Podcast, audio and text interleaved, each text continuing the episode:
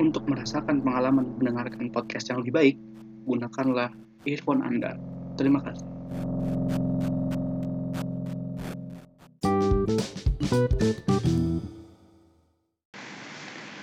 Baik lagi di Dexter's Podcast episode yang ke oh ini Dex Talk episode yang keempat kalau nggak salah dan karena kemarin-kemarin kita udah udah bahas bahas apa namanya? Bahas pandemi terus bahas tentang politik-politik di US atau enggak di Katalan kan kemarin katalunya um, sekarang kita membahas mengenai uh, apa ya PSBB gitu. Nah bal bener PSBB itu apa bal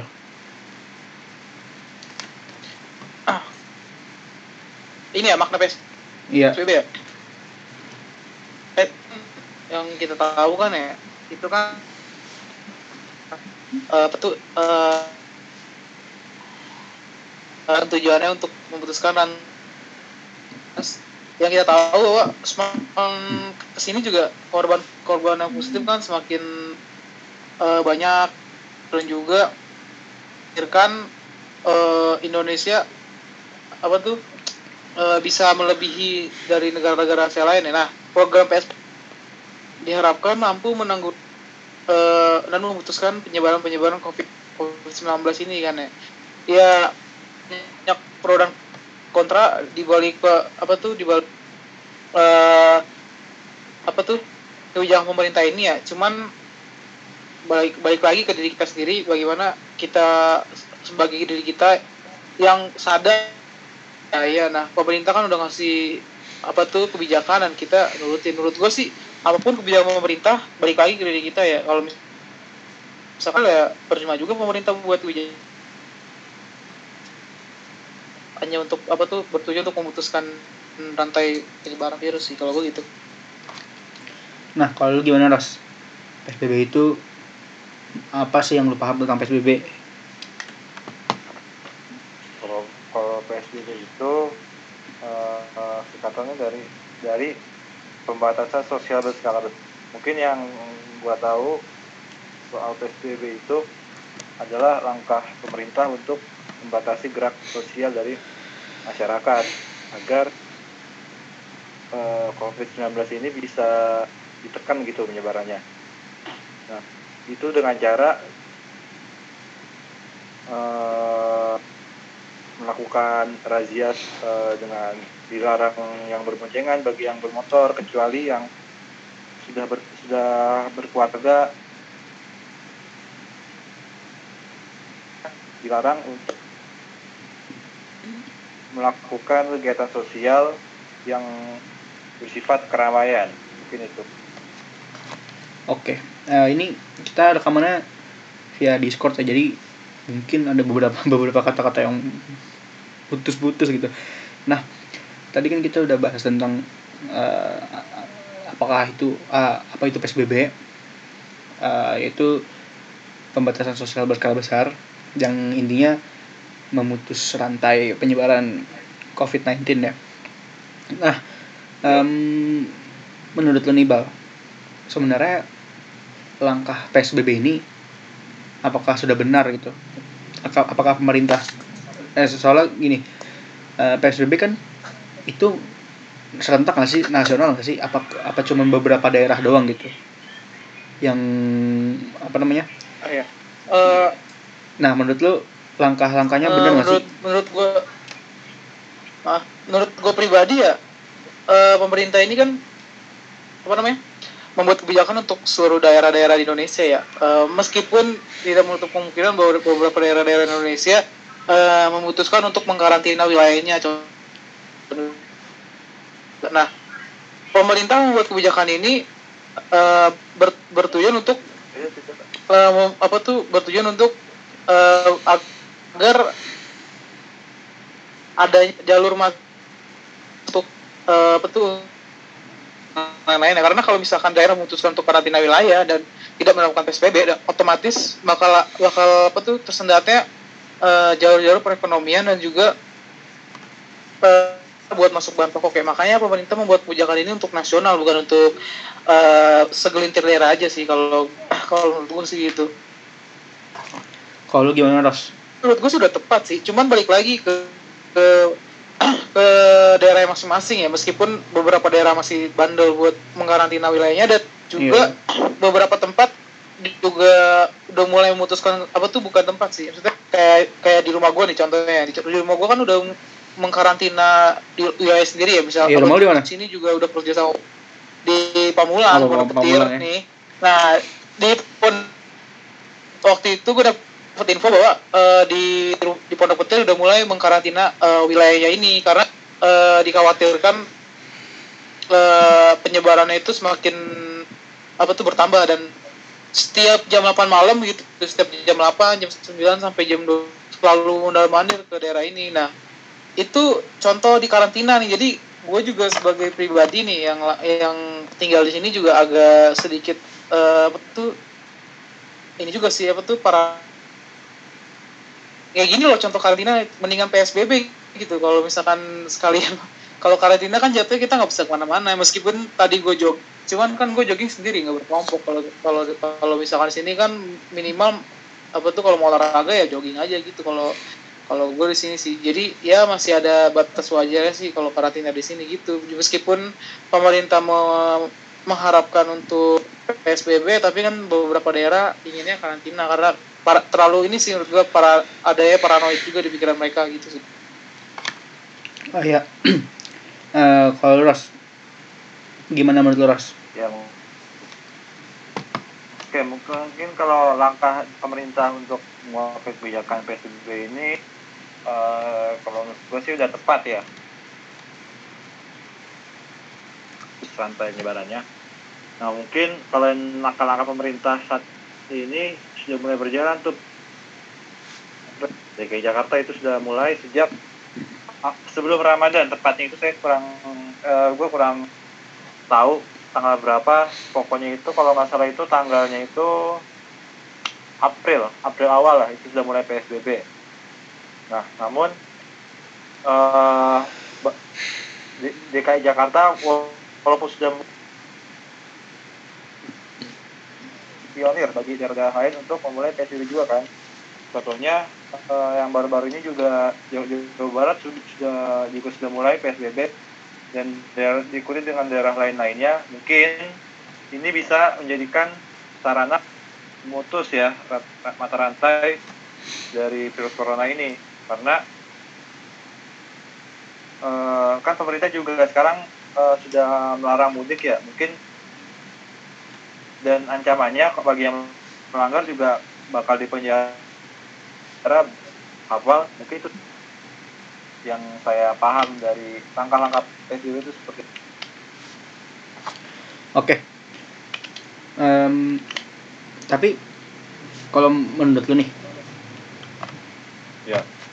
Eh, sebenarnya kalau misalnya PSBB ini berhasil gitu, misalnya ya, misalnya dalam beberapa bulan itu eh, case-nya dalam satu minggu itu nggak nyampe 100 per hari gitu, eh per minggu sorry. Nah, itu kan sebenarnya kalau misalnya kita ukur eh, bahwa itu berhasil di atas kertas gitu. Nah, tapi em, misalnya berhasil gitu. Apakah per eh, apa namanya? Memang apakah memang sudah benar apa yang dilakukan pemerintah? Kan tadi kita membahas kalau misalnya apakah langkah pemerintah untuk melakukan PSBB ini benar. Nah, tapi kalau misalnya berhasil, apakah pemerintah ber, apa, berhasil gitu? Ini beda ya. Maksud gua kan kalau tadi eh, pemerintahnya kayak gimana? Terus tadi nah sekarang kita bahas mengenai keberhasilannya gitu. Gimana, Bang? Oh ya. Jadi kalau misalkan pemerintah apa tuh PSBB ini langkah lapet itu berhasil ya kebijakan-kebijakannya. Ya kalau misalnya eh, bisa dibilang berhasil ya PSBB ini, apakah memang itu peran dari pemerintah gitu Oh ya, ya. Sini. Ya, sebenarnya sih ya kebijakan pemerintah ini yang tadi pertama gue bilang itu tergantung dari di bawahnya apa tuh masih di bawahnya karantina ya maksudnya kalau karantina wilayah itu kan bener-bener itu orang nggak boleh keluar ada hukumannya dan lain-lain ya sedangkan kalau psbb masih boleh keluar nah cuman segelintir orang aja contoh kayak ojol kayak pengiriman barang dengan bahan pokok dan lain-lain nah kalau misalkan dari diri kita sendiri aja apa tuh nggak bisa diatur ya, ya kebijakan pemerintah ini ya sia-sia juga karena gini loh kalau misalkan kebijakan pemerintah ini dibuat untuk kebaikan kita sendiri ya. Nah, gimana kitanya biar uh, mematuhi aturan ini ya? Kalau menurut gue PSBB ini ya bisa efektif, tapi catatannya diri kita sendiri. Dan contoh misalkan kita menjaga apa tuh pola apa tuh pola makan, olahraga dan lain-lain ya. Nah kalau insya Allah sih bakal apa tuh beras karena bagaimanapun ke diri kita karena yang mau sehat kan kita gitu kalau pemerintah kan kebijakan dan saran dan lain-lain dan meskipun uh, eh, PSBB ini berhasil kan cuman tetap aja kayak di Vietnam contohnya uh, Vietnam kan udah berhasil uh, tuh men menumpas COVID-19 ini ya nah meskipun uh, dengan cara tuh tidak mengkarantina cuman dengan uh, tuh menjaga jarak atau batas sosial di masyarakat apa tuh di negara tersebut ya. Nah, akan tetapi gue baru baca berita kan uh, muncul lagi virusnya. Nah, meskipun jadi ya meskipun kebijakan pemerintah ini dikatakan berhasil dalam seminggu, cuman namanya virus kan nggak ada yang tahu ya. Jadi bisa aja uh, satu minggu ini nggak ada, tiba-tiba uh, pemerintah udah buka, abis itu tiba-tiba ada lagi gitu. Menurut gue sih langkah-langkah betul harus ada langkah-langkah konkret selanjutnya jika PSBB ini berhasil uh, dibuat kebijakan itu yang berkelanjutan tapi tetap menjaga jarak sosial dengan tujuan uh, betul kasus ini itu benar-benar hilang di Indonesia gitu. Karena virus kita nggak ada yang tahu kan. Dia kan benar-benar musuh yang tidak terlihat. Kalau gue gitu sih. Nah kalau menurut gimana Ros? ya uh, jadi kalau menurut gua berhasil atau tidak berhasilnya PSBB ini dalam memutus mata rantai corona corona tergantung e, bagi pemerintah dan masyarakatnya. Oke, pemerintah sudah sudah membuat suatu kebijakan PSBB ini, namun harus didukung dengan kedisiplinan masyarakat untuk mematuhi PSBB ini. Karena kan hal ini kan juga demi kebaikan bersama. Kan ya kita kan juga nggak mau ya bekerja dari rumah apa apa dari rumah kan pasti kan kita juga kangen biasanya itu jalan-jalan atau uh, atau bekerja di luar mungkin pasti bakal kangen lah untuk melakukan kegiatan di luar. Nah, mungkin hal ini bisa menjadi uh, acuan sih tingkat keberhasilannya. Yaitu timbul rasanya ingin membumi hanguskan corona ini. Oke okay, bumi hanguskan nah, ya ya menguruskan corona ini dari muka bumi kan? Nah namun kita juga patut mencontoh uh, Vietnam ya karena satu negara yang mungkin berhasil.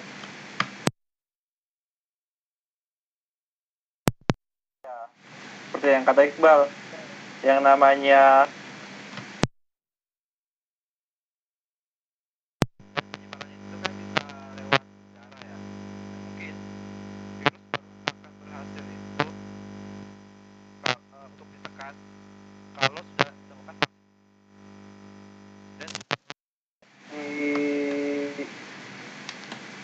dicobakan ke manusia gitu. Karena yang namanya vaksin kan pasti untuk membunuh virus ya.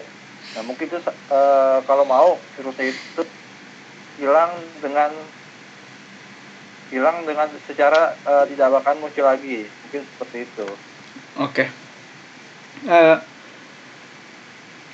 tadi kan kita berbicara tentang keberhasilan gitu. Nah ya. kalau misalnya psbb ini nggak efektif gue nggak bilang gagal ya nggak efektif ya. apakah ada opsi lockdown bagi pemerintah kita? Gimana bal? Uh, opsi ya. Sebenarnya di Indonesia ini ada dua opsi ya. Pertama itu lockdown atau karantina wilayah yang kedua itu apa namanya? Yang kedua itu darurat nasional. Oh iya kalau misalkan kita berkaca kepada perekonomian Indonesia yang sedang naik tuh pemerintah lebih memilih eh, apa tuh darurat nasional ya. Karena gini loh kalau misal misalkan nih misalkan eh, Indonesia benar-benar melockdown beberapa daerah mengkarantina semua daerahnya warga nggak boleh keluar masuk maupun pokoknya beraktivitas itu nggak boleh. Nah yang jadi sasar yang jadi yang jadi permasalahannya adalah eh, pemerintah harus bisa membiayai eh, makan satu keluarga eh, satu satu apa tuh satu Indonesia ya 270 juta lebih rakyat Indonesia harus dia kasih makan. Dan bayangkan kalau misalkan satu kepalanya aja menghabiskan apa tuh menghabis apa satu kepala keluarga aja satu keluarga nih menghabiskan 500 ribu untuk makan sehari. Nah pemerintah ber- berarti kita kaliin aja 500 ribu dikali 270 juta lebih rakyat. Nah, ini bakal terjadi eh kolaps di beberapa eh, sektor-sektor perekonomian Indonesia ya yang di mana bakal terjadi kerusuhan dan lain-lain. Dan yang membuat pemerintah itu malah gagal bukannya apa tuh bukannya berhasil melockdown karantina dan memutuskan penyebaran COVID-19 ini akan tetapi malah masyarakat malah mati kelaparan karena pemerintah nggak bisa memberi makan 270 juta lebih rakyat Indonesia ini. Nah makanya pemerintah Indonesia itu lebih memilih mengkara apa tuh darurat nasional ya? Karena dar- darurat nasional ini pemerintah nggak pusing-pusing ngasih makan rakyatnya nggak pusing-pusing. Eh apa tuh apa namanya me- gini masyarakat ya? Karena darurat nasional berarti yang turun itu adalah abri polisian dan lain-lain. Kalau kalau misalkan kita melawan aparat ya aparat bakal lebih tegas daripada dari kita dari kita. Ada nggak perlu memik eh, apa tuh makanan makanan makanan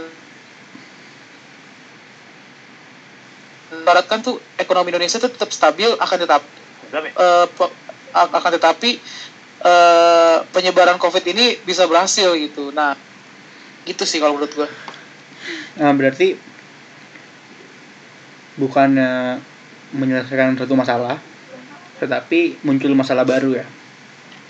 Mm, karena kalau, menurut lu gimana, apa Ros? tuh kar Hmm, karena benar tuh menunjukkan masalah baru karena eh, pemerintah Indonesia ini kan benar-benar nggak bakal mau tuh yang namanya lockdown Ke- apa tuh bakal istilahnya tuh ya pemerintah tuh nggak mau ngasih makan segitu banyaknya orang Gitu. apalagi kan satu keluarga mungkin ada yang makannya banyak ada yang makannya sedikit dan gitu-gitu jadi pemerintah itu gak mau- terbitlah PSBB sedangkan seharusnya kita mengkarantina wilayah gitu karena benar-benar COVID ini kan semakin hari semakin bertambah positifnya bukannya malah makin berkurang gitu.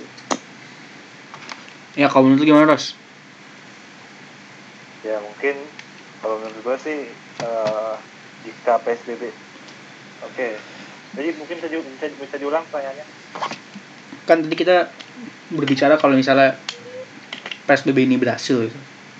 Nah, kalau misalnya PSBB ini tidak efektif, apakah ada opsi untuk lockdown?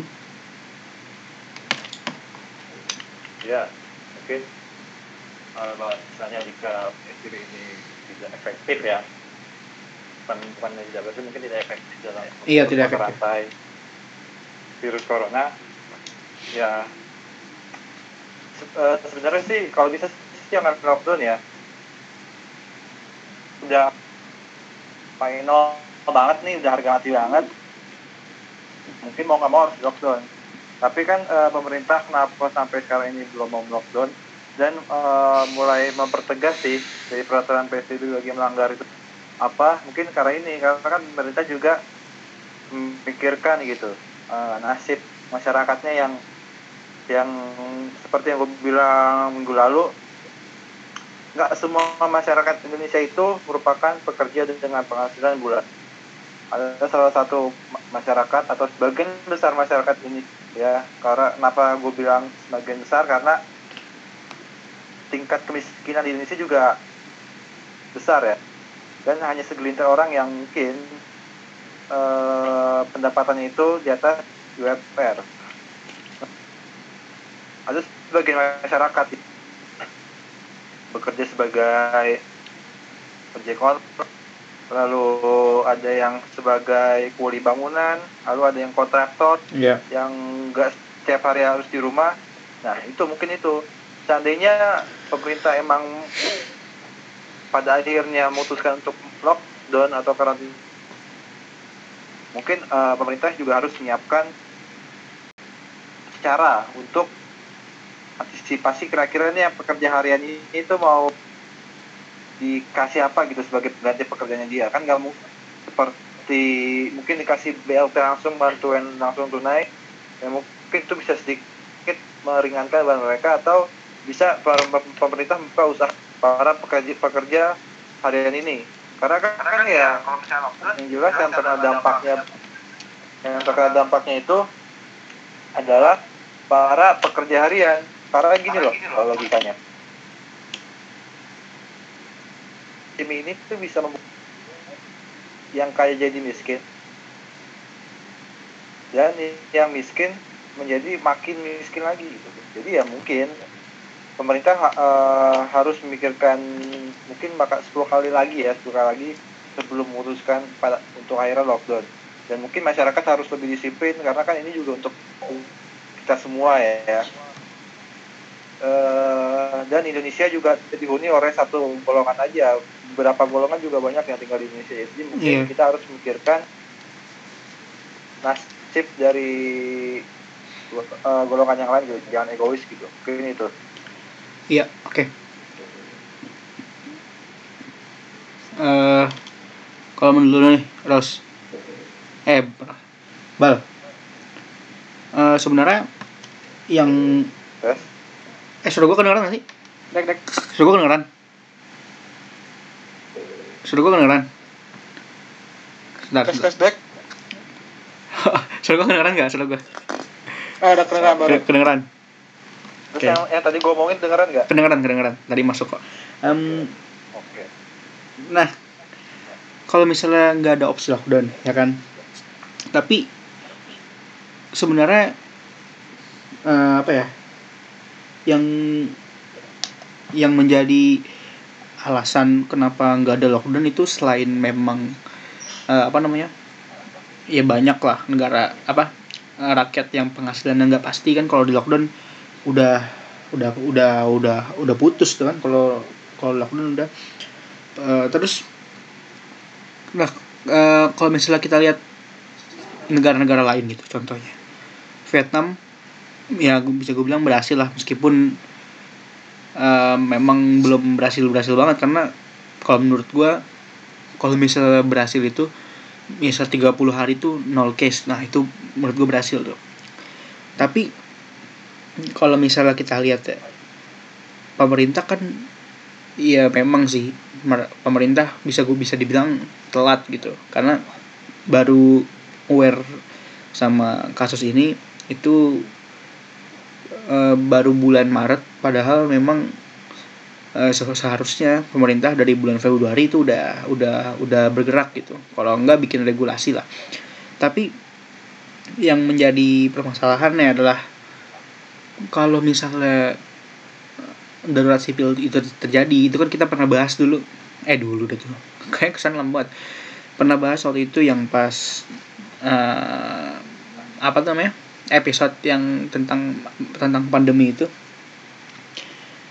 kalau misalnya darurat sipil itu terjadi kan berarti eh, aparat eh, entah itu polisi atau tentara itu turun tangan itu padahal darurat sipil itu memang diperuntukkan untuk keadaan perang.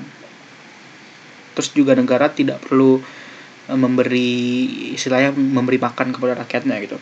Nah, kalau kita lihat nih di Indonesia kan sebenarnya trennya ini udah mulai menurun nih, ya kan? Tapi ini kita, kita belum belum nyampe peaknya nih, belum nyampe apa istilahnya puncaknya nih, ya kan? Tapi kalau menurut lu nih, Bal, sebenarnya kita ini bisa dibilang telat banget gak sih?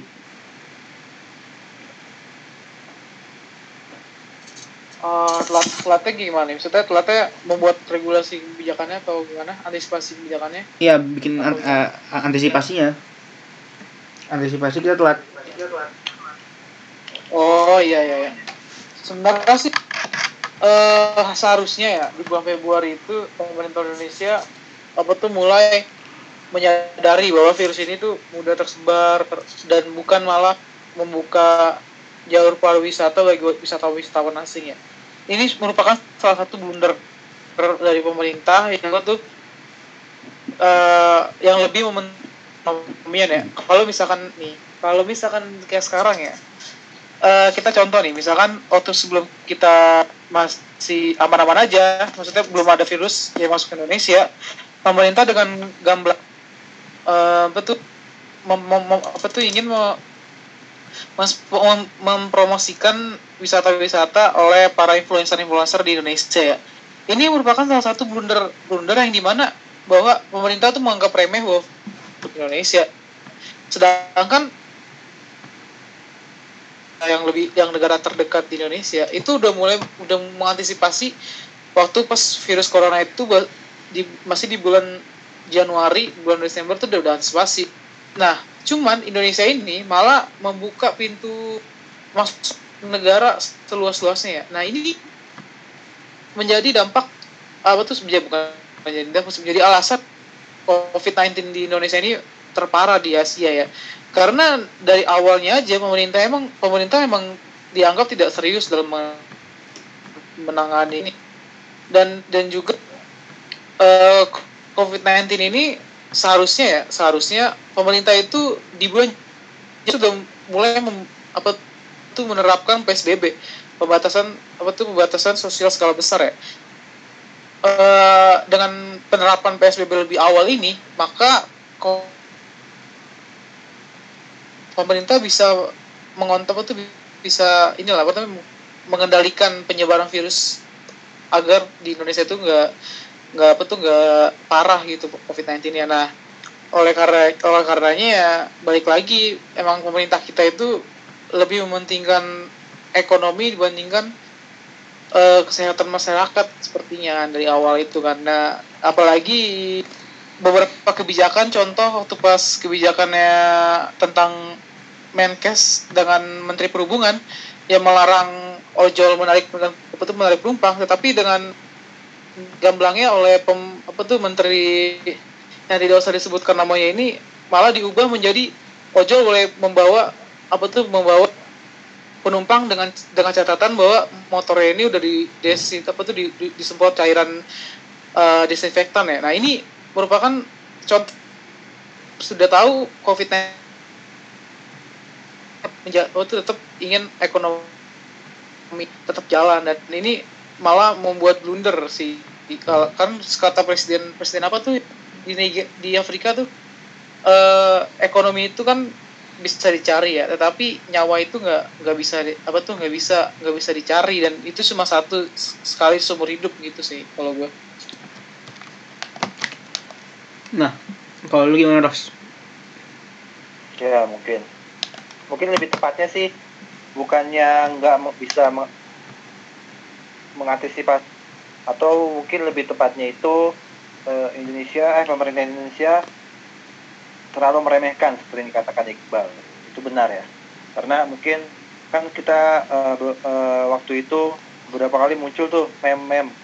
Hmm. meme-meme tuh yang seperti eh, wah virus corona itu nggak bakal bisa masuk ke Indonesia karena bakal kalah saing sama penyakit-penyakit yang ada di Indonesia seperti ber- berdarah, flu dan lain sebagainya. Namun ya nyatanya ya akhirnya masuk juga kan. Nah ini dan tambah lagi pemerintah itu emang sih dia sudah tahu kalau virus corona ini tuh bakal ma- masuk ke Indonesia ya. Karena eh, hal bukan hal, hal yang nggak mungkin yang namanya virus kan itu kan menyebar ya. Kita kan juga nggak bisa pencegahan virus itu kan beda gitu sama pencegahan misalnya pencegahan ex keluarga ISIS tuh. Indonesia kan itu bisa dicegah di bandara dengan menggunakan protokol tentara dan lain sebagainya. Nah ini kan masalah kan kita berhadapan dengan virus gitu. Gimana cara mencegahnya masuk ke orang bentuknya kecil mau dijaga sama 100 ribu jenderal bintang 5 pun nggak bakal bisa menghentikan virus itu masuk gitu kan? Logikanya itu seperti itu.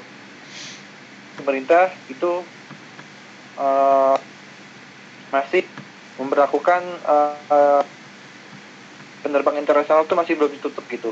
Alasannya karena untuk mendongkrak pariwisata yang ada di Indonesia gitu. Nah ini kan menjadi salah besar ini. Salah satu peringatan yang yang sangat keliru kan.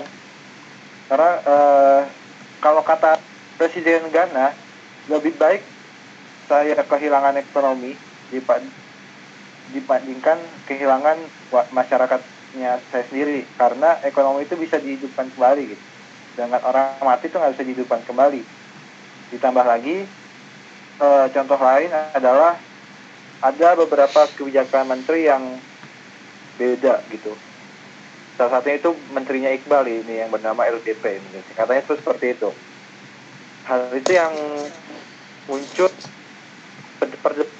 perdebatan gitu. Nih orang baru menteri kok udah gayanya mengalahkan presiden. Iya.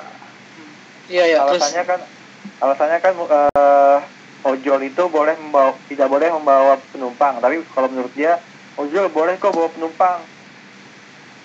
Ya Udah mungkin penumpang itu uh, merupakan perawat dan lain sebagainya. Namun kan ya hal ini kan bisa dimanfaatkan bagi orang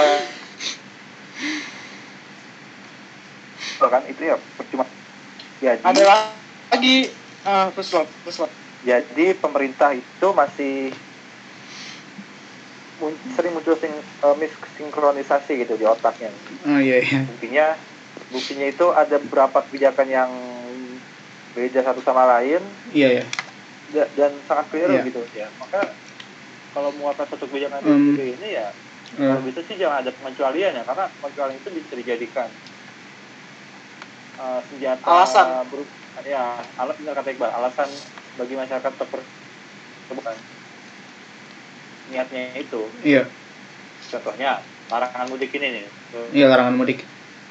Nah, larangan mudik ini kan uh, ini juga kan dan pak dari PSBB ini pemerintah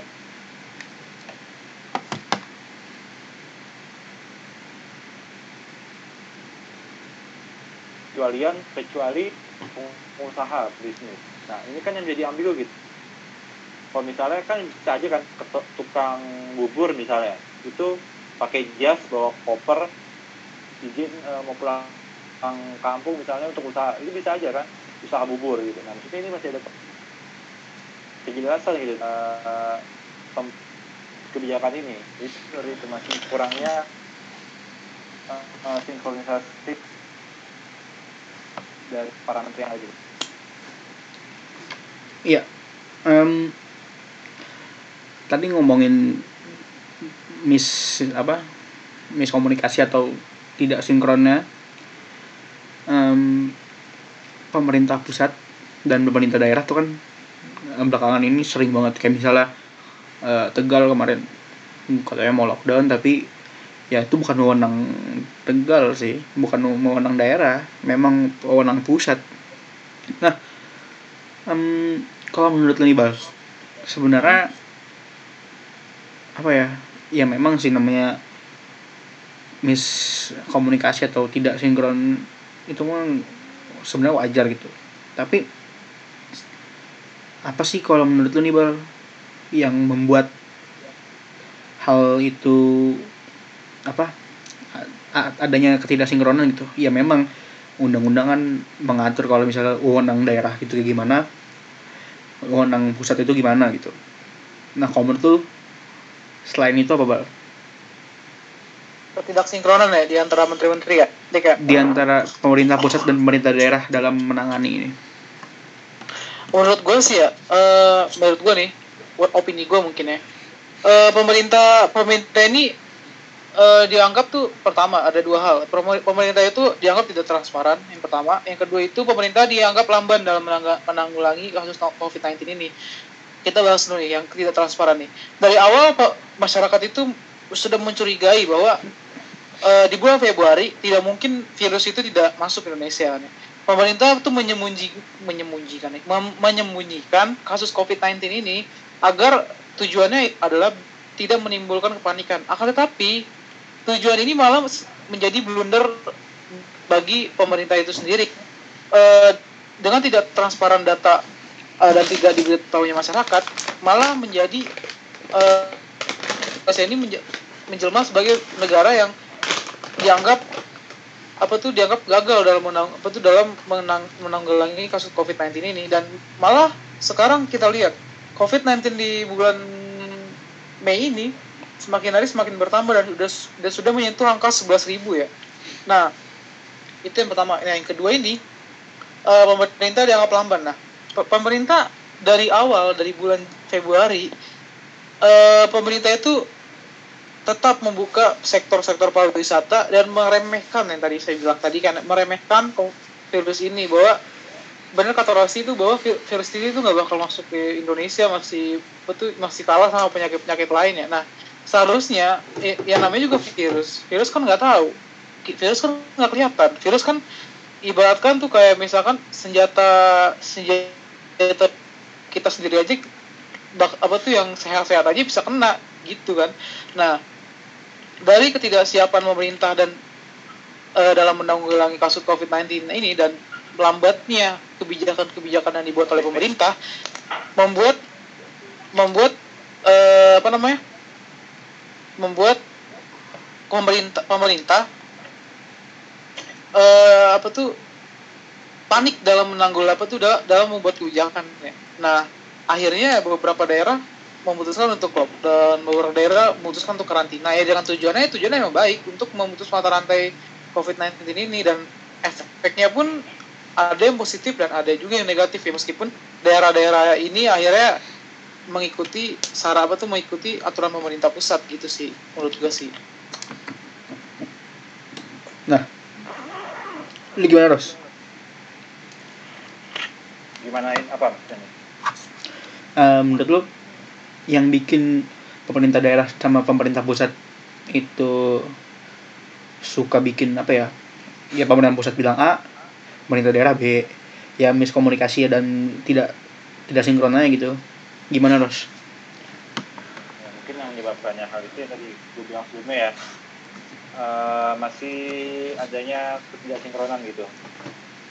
Ketidaksinkronan antara eh, tugas-tugas dari setiap pemimpin pusat dan daerah. Kan kan ketika kita ingin mengeluarkan suatu kebijakan kalau di Indonesia itu kan eh, harus terstruktur gitu. Pertama dari rakyat kota kabupaten daerah lalu baru ke pusat gitu. Nah ini kan yang seharusnya emang yang memutuskan dalam mengeluarkan kebijakan ya emang pusat. Pemerintah daerah itu cuma ya ibaratnya mengawasi dan mengambil beberapa kebijakan dari pusat. Gitu. nah namun ya di, di sini mungkin eh, yang namanya kebijakan dikeluarkan kan pasti niatnya kan demi kebaikan ya. Nggak mungkin kebijakan dikeluarkan untuk hal-hal yang buruk gitu kan nggak mungkin. Kecuali di Korea Utara mungkin ya itu mungkin mungkin saja. Ya itu. Jadi antara tujuan dan maksudnya itu masih belum kompak gitu di antara pemerintah pusat dan daerah. Makanya sering munculnya sikap gitu misalnya kemarin kan di Tegal kan memutuskan untuk melockdown ya melockdown Iya, Tegal. lockdown lokal. namun ya lockdown lokal di Tegal aja gitu cuman sama pemerintah eh, pusat itu di nggak diizinkan gitu. Nah itu padahal kan baru Tegal ya, yang tadi bilang itu merupakan kota atau kabupaten. Nah hal itu juga sebelum pemerintah, Gubernur Jawa Tengah juga nggak setuju dengan lockdown yang ada di Tegal gitu. Karena menurut, menurut mereka lockdown baru uh, hanya bisa dikeluarkan oleh pemerintah pusat bukan daerah.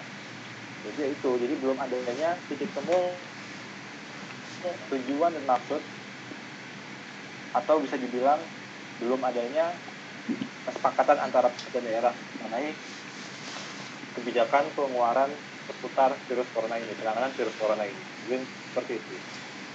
Oke. Ini the last one ya, yang terakhir nih. Oke. eh kan tadi bener tuh ya gue setuju sama lu berdua kalau misalnya emang ke ketidaksesuaian antara pusat dan pemerintah itu memang eh, pemerintah daerah menganggap kalau misal pusat ya kurang kurang apa namanya kurang apa sih kurang concern gitu.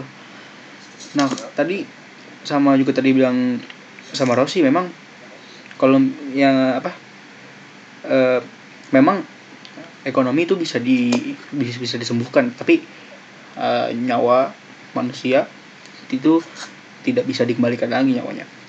Oke yang yang terakhir nih. Kan tadi sebenarnya kita memang bahas mengenai PSBB gitu. Nah tapi PSBB ini kira-kira ya ah, ah gue nggak jadi dah. Jangan nanya jangan nanya yang gitu soalnya eh, ada memunculkan beberapa kontroversi tapi jangan. Eh, ini kan kita udah hampir dua bulan ya di apa tidak kuliah. Di rumah aja. Hmm. terus juga keluar rumah cuman sebatas ya bentar-bentar doang. Terus juga banyak yang apa namanya? Apa? Aja.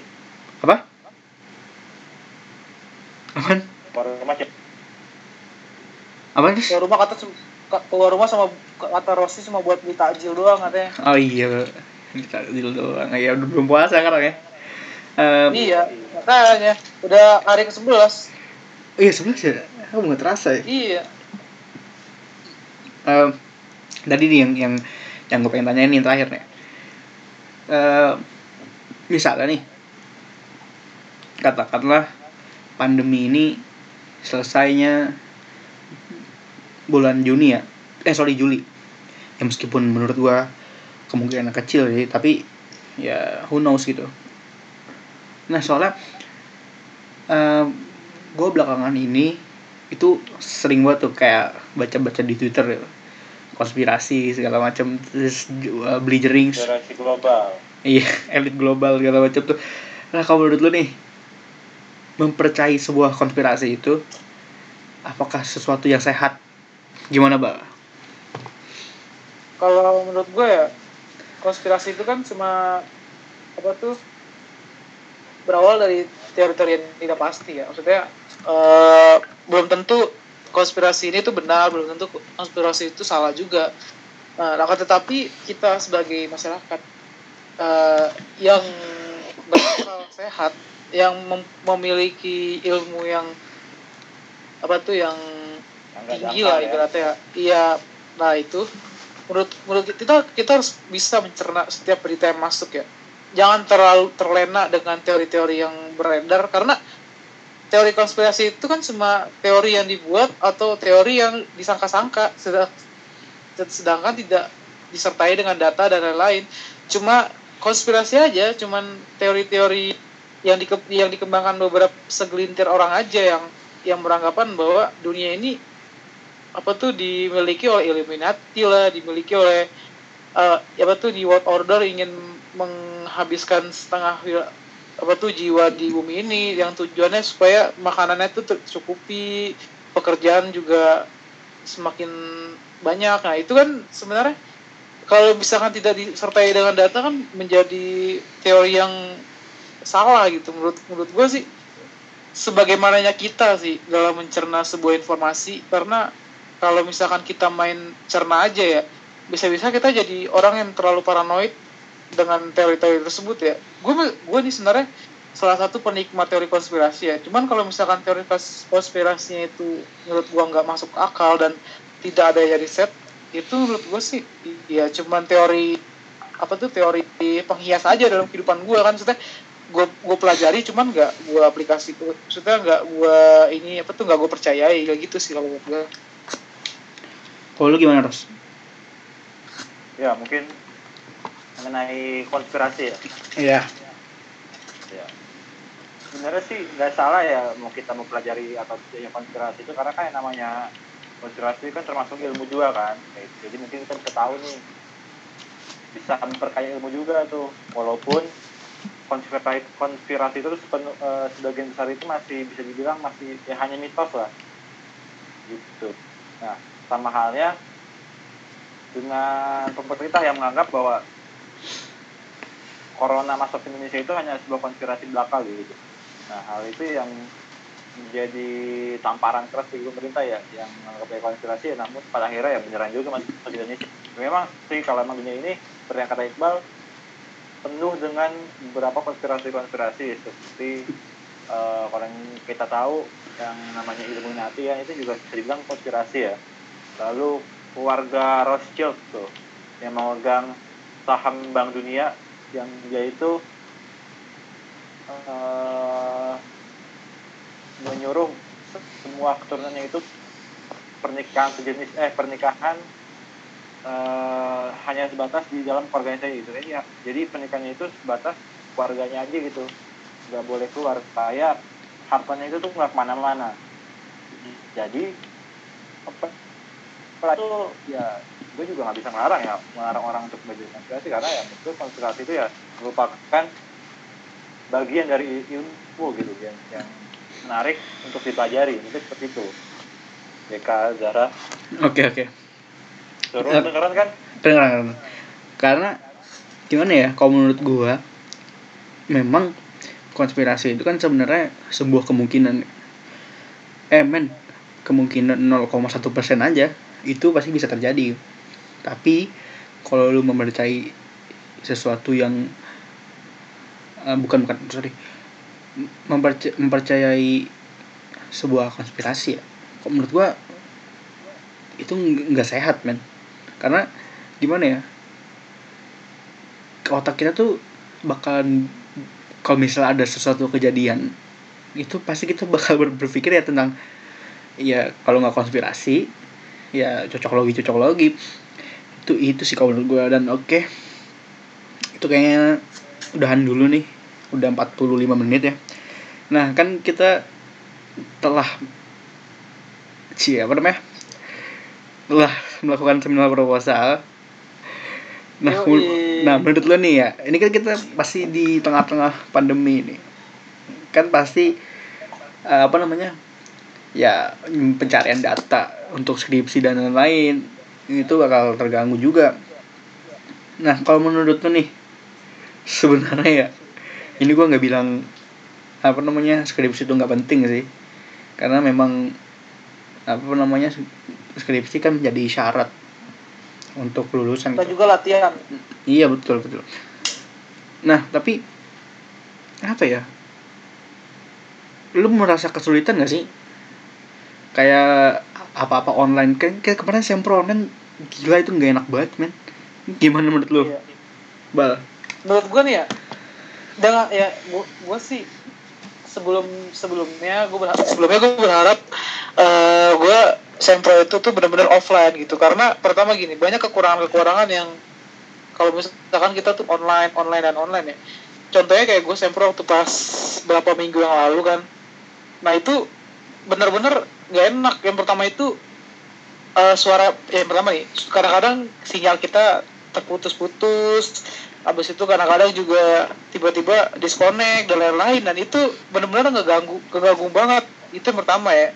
Dan juga yang kedua nih kalau kelas online nih kita kayak misalkan gue nggak cuma bahas skripsi kita juga bahas kelas online ya kelas online itu juga uh, kita kan kuliah via zoom ya. Iya. nah kita akan tetapi kita tuh di absen via e-learning UMJ. Nah ini kan lumayan ribet menurut gue ya. Lu udah kelas, tiba-tiba lu harus pindah lagi ke e-learning UMJ buat absen doang. Sedangkan kalau kita kelas offline, kita cuma tinggal panggil misalkan nama Deka, Rosi, Iqbal, tinggal dicek cek sama dosen sendiri. Nah, sedangkan kalau misalkan kelas online, orang yang gak ikut online aja bisa absen. Makanya menurut gue tuh sebuah kecurangan menurut gue ya. Kedua, nah yang ketiga ini buat mahasiswa-mahasiswa semester akhir nih, kayak kita-kita nih, yang udah mau nyusun skripsi, itu kesulitannya mungkin nanti kita nyari-nyari datanya kalau misalkan kita terlalu terpaku dengan online ya dan Dahin tidak gitu. kita cari lagu. kita kita cari di lapangan nah itu bakal apa tuh takut ya skripsi kita tuh menjadi gak perfect gitu takutnya kan di online online kan banyak data-data yang berkeliaran cuman akan tetapi eh, dari data apa tuh tidak terlalu inilah apa namanya konkret lah istilahnya nah nah dengan kita bisa offline ini kita kan bisa nyari data dengan konkret dan kita bisa menyelesaikan skripsi kita dengan baik. Nah kalau misalkan dengan online kita nggak tahu data ini dapat dari mana kita nggak tahu data ini fix apa enggaknya. Nah ini yang bakal membuat skripsi kita tuh menjadi apa tuh sedikit rancu dan menurut gua nggak perfect sih. Gua nggak suka banget soal dari kalau dari online ini kayak feel gua tuh kurang gitu kurang kurang men- mengenakan sih kalau gua gitu sih. Iya, soalnya eh, kampus kita kan sebenarnya ada regulasinya juga mengenai skripsi. Kalau misalnya menyesuaikan dengan keadaan. Kalau menurut gimana terus mengenai kayak sampel online tadi tuh nggak enak banget. ya gue sih ya enak sebenarnya kalau sempro itu lebih enak tuh langsung ya walaupun walaupun itu bisa buat kita lebih mabok tapi rasanya tuh di situ gitu. Maksudnya tantangannya tuh pasti di situ gitu. Nah dibanding ya, yang dibilang Iqbal sih yang namanya online kan kita juga perlu kuota terus jaringan yang harus kuat kan. Yang itu jadi kendala juga sih bagi yang mungkin. Seandainya kampus sudah berada di satu daerah yang pencil ini, ini gue sharing aja. Gue juga waktu itu eh, minta tolong ya sama kawan gue betul nih acara himpunan rumah pol Indonesia. Jadi gue minta tolong temen gue sebagai untuk menjadi moderator. Kebetulan temen gue itu eh, merupakan anak Tanjung Pura gitu. Universitas Tanjung Pura. Nah kebetulan ada sedikit kendala gitu ketika mau menjadi sebagai moderator pada diskusi online. Kendalanya itu yaitu dia tinggal di suatu jadi bilang di bukan di perkotaan ya di daerah banget yang membutuhkan sinyal yang kuat gitu. Padahal kalau di, di perkampungan itu ya sinyal tuh ya apa kadarnya apa adanya gitu itu menjadi kendala sih kalau semua hal berbau online tuh seperti apa apalagi yang namanya skripsi atau namanya proposal tuh ya lebih baik deh dilaksanakan secara langsung apalagi kan sekarang viral nih beberapa kampus seperti UNS Oh iya, benar dia telah melakukan wisuda secara online cuman ya Iya, nggak enak banget. feelnya tuh nggak enak banget ya, Asli nggak enak banget sih. kan Ampun dah. Mau dikasih ya mau dikasih bunga sama temen kan mau teman-teman datang wisuda ya kan Oh gue nggak relate itu. Gue nggak relate yang itu tuh. iya Gue bagian yang itu nggak relate. Tuh. masalah i- so, soalnya nih ya enak banget eh ini kan salah satu momen terpenting dalam hidup kita ya. Kita dapat gelar S1 dengan dengan dengan cara yang susah payah. Cuman kalau wisuda online kan bingung juga kita buat dokumentasinya kan buat kita ntar kenang-kenangan. Ya kali kita wisuda online kita foto sendiri kan nggak nggak nggak enak. Kasihan maksudnya kayak gitu sih. Kayak kurang kurang lengkap aja gitu. Perjuangannya sia-sia. Oke. Jadi ya itu aja sih ya pembahasannya. Soalnya ya nanti bakal soal tadi Rossi menyinggung Korea Utara tuh. Ini Supreme Leader Kim Jong Un oh iya kan sakit katanya. akhirnya Kim Jong Un akhirnya dia Alhamdulillah sih. bangkit lagi dari Alhamdulillah, kematian ya. alhamdulillah. Bangkit lagi dari kematiannya Supreme Kayaknya seru sih kalau misalkan next podcast ya bahas Kim Jong Un kayak kenapa sih dunia pengen banget dia mati gitu. Sedangkan Oh, padahal kalau misalkan gue padahal kalau mis ya sangat pokoknya benci. Kim Jong Un eh, kayak terencana banget gitu Kim Jong Un itu pengen dibuat mati gitu kenapa gitu. Kalau gue sih nggak setuju kalau dia mati. Padahal Kim Jong Un keren. Gue suka banget sama dia tuh. Enggak, Supreme Leader. itu benar kata Dika kan Kim Jong Un itu tuh bisa dibilang itu Hugo Chavez-nya itu Asia karena yang ditakutin Amerika yang Ecuador. yang ditakutin yang ditakutin Amerika sekarang ya Kim Jong Un sekarang bukan lagi siapa itu kan Iya, Amerika iya, kan iya. zamannya Eh Venezuela deh, Ecuador. Obama itu lebih takut banget kan namanya namanya Saddam Hussein sama Hugo Chavez Nah, Sama ini Libya siapa? iya Muammar Gaddafi Nah, Gaddafi. Terus sama sama juga Ahmadinejad juga tergen gitu Amerika kan nah mungkin setelah tokoh-tokoh itu menjadi bisa dibilang Soleimani juga ya? Iran atau apa itu Iran lah nah penggantinya itu tuh jadi belum ada gitu nah makanya muncul Kim Jong Un nih sebagai penantang dari presiden kebanggaannya Iqbal Maulana kan Antitesis ya. Iya iya iya benar benar. boleh sih kalau di- kalau kita bahas Korut Boleh. Karena- boleh.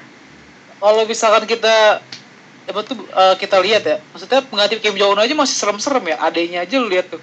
Adanya aja juga punya track record yang gak jauh kalau terseram dibandingkan kakaknya ya. apalagi dia Bang. naik nih adanya nih ya adanya kan perempuan ya iya perempuan siapa namanya gue lupa deh Kim Yo Jong Kim So Kim Yo Jong Jun ya nih lu bayangin kalau misalnya dia lagi PMS gimana bang iya ya paling ledakin nuklir doang ke Eh, tapi- eh tapi doang eh, dong. pemimpin perempuan yang apa ya sekarang sekarang keren loh. Merkel terus Yasina Oh, iya, Aden Merkel. Terus si Theresa siapa May dulu. Pak Theresa May juga keren tuh. Theresa May. Kalau Megawati gimana Ros? Ini ras siapa? Filipina ras Megawati itu keren. Filipina siapa? Cora- Corazon Maria Corazon Aquino. Aquino. Corazon Aquino. Corazon kan artinya dunia aja Corazon oke gitu ya. Itu itu istrinya siapa deh Hah?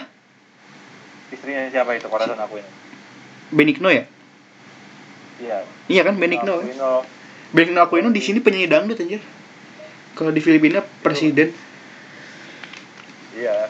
Ya udah mungkin ini sih ini mungkin apalagi oh ya gue mau ini lagi sih mau promos mau mengviralkan lagi. Maksudnya Oh, iya. kabar. Siap siap jadi silakan Mas Rosi. Eh, insya Allah akhir Rabu kita bakal ada diskusi lagi nih online nih seputar omnibus. Oh ini Himapolindo pasal iya pasal 88 oke oke. C sampai 88 D nah dan insya Allah nih Jumat kita bakal ada diskusi lagi seputar Ramadan di kuliah Ramadan. Temanya itu insya Allah itu Ramadan di tengah pandemi hikmah atau musibah gitu kan. Oke oke menarik menarik. Ya udah. Sabtu. Apalagi Sabtu kita juga ada lagi. Sabtu Waduh. kita juga ada diskusi lagi. Kebetulan itu bicaranya itu Putri Komarudin. Oh, anaknya Akom. adik Komarudin. Oh anaknya Iya. Akom iya anaknya adik adik Komarudin. Oh iya. Dia Anggota kalau nggak salah ini kan? Udah. Anggota DPR kan? Putri Komarudin? Iya anggota DPR Golkar juga? Iya. Golkar. Oke. Nah, gitu kita bakal bahas suatu diskusi yang menarik lah. Oke, pastikan. Dan stay tune aja. oke oke oke oke gitu aja sih. dikasih dikasih Apa IG-nya. IG-nya apa? Himapolindo ya? Iya. Lanjut sama yang kemarin. ya udah IG, IG, oke deh mantap IG lo bal IG lo bal IG gue Iqbal Maulana 42 eh 42 tuh apa sih? Gue nggak tahu dah 42 itu ini apa namanya angka kesukaan gue angka 4 kan angka kelahiran gue ya. Angka 2 angka 4 Kagak. gue soalnya gue punya temen nih. Nomor no- nomor punggungnya 42 terus nama IG juga 42 katanya Martin Odegaard soalnya nomor 42 makanya dia suka kalau apa Ros IG lu Ros Oke, IG gua jangan lupa di follow. Sosial Dino 98. nah lu kan Nomor apa, 99 Ros? lu kan 99 98 itu 98 itu 8 itu kan tanggal kelahiran gua kan. 9 itu tuh tahunnya. Jadi mungkin oke. kalau lu mau mengkepo-kepoan kegiatan atau eh tapi mau diskusi bareng email lu silahkan 99 follow. Nah, itu buat hal yang berbeda gitu. oke ya udah email 99 email 99 ya udah gitu aja sih. Hey, thank you thank you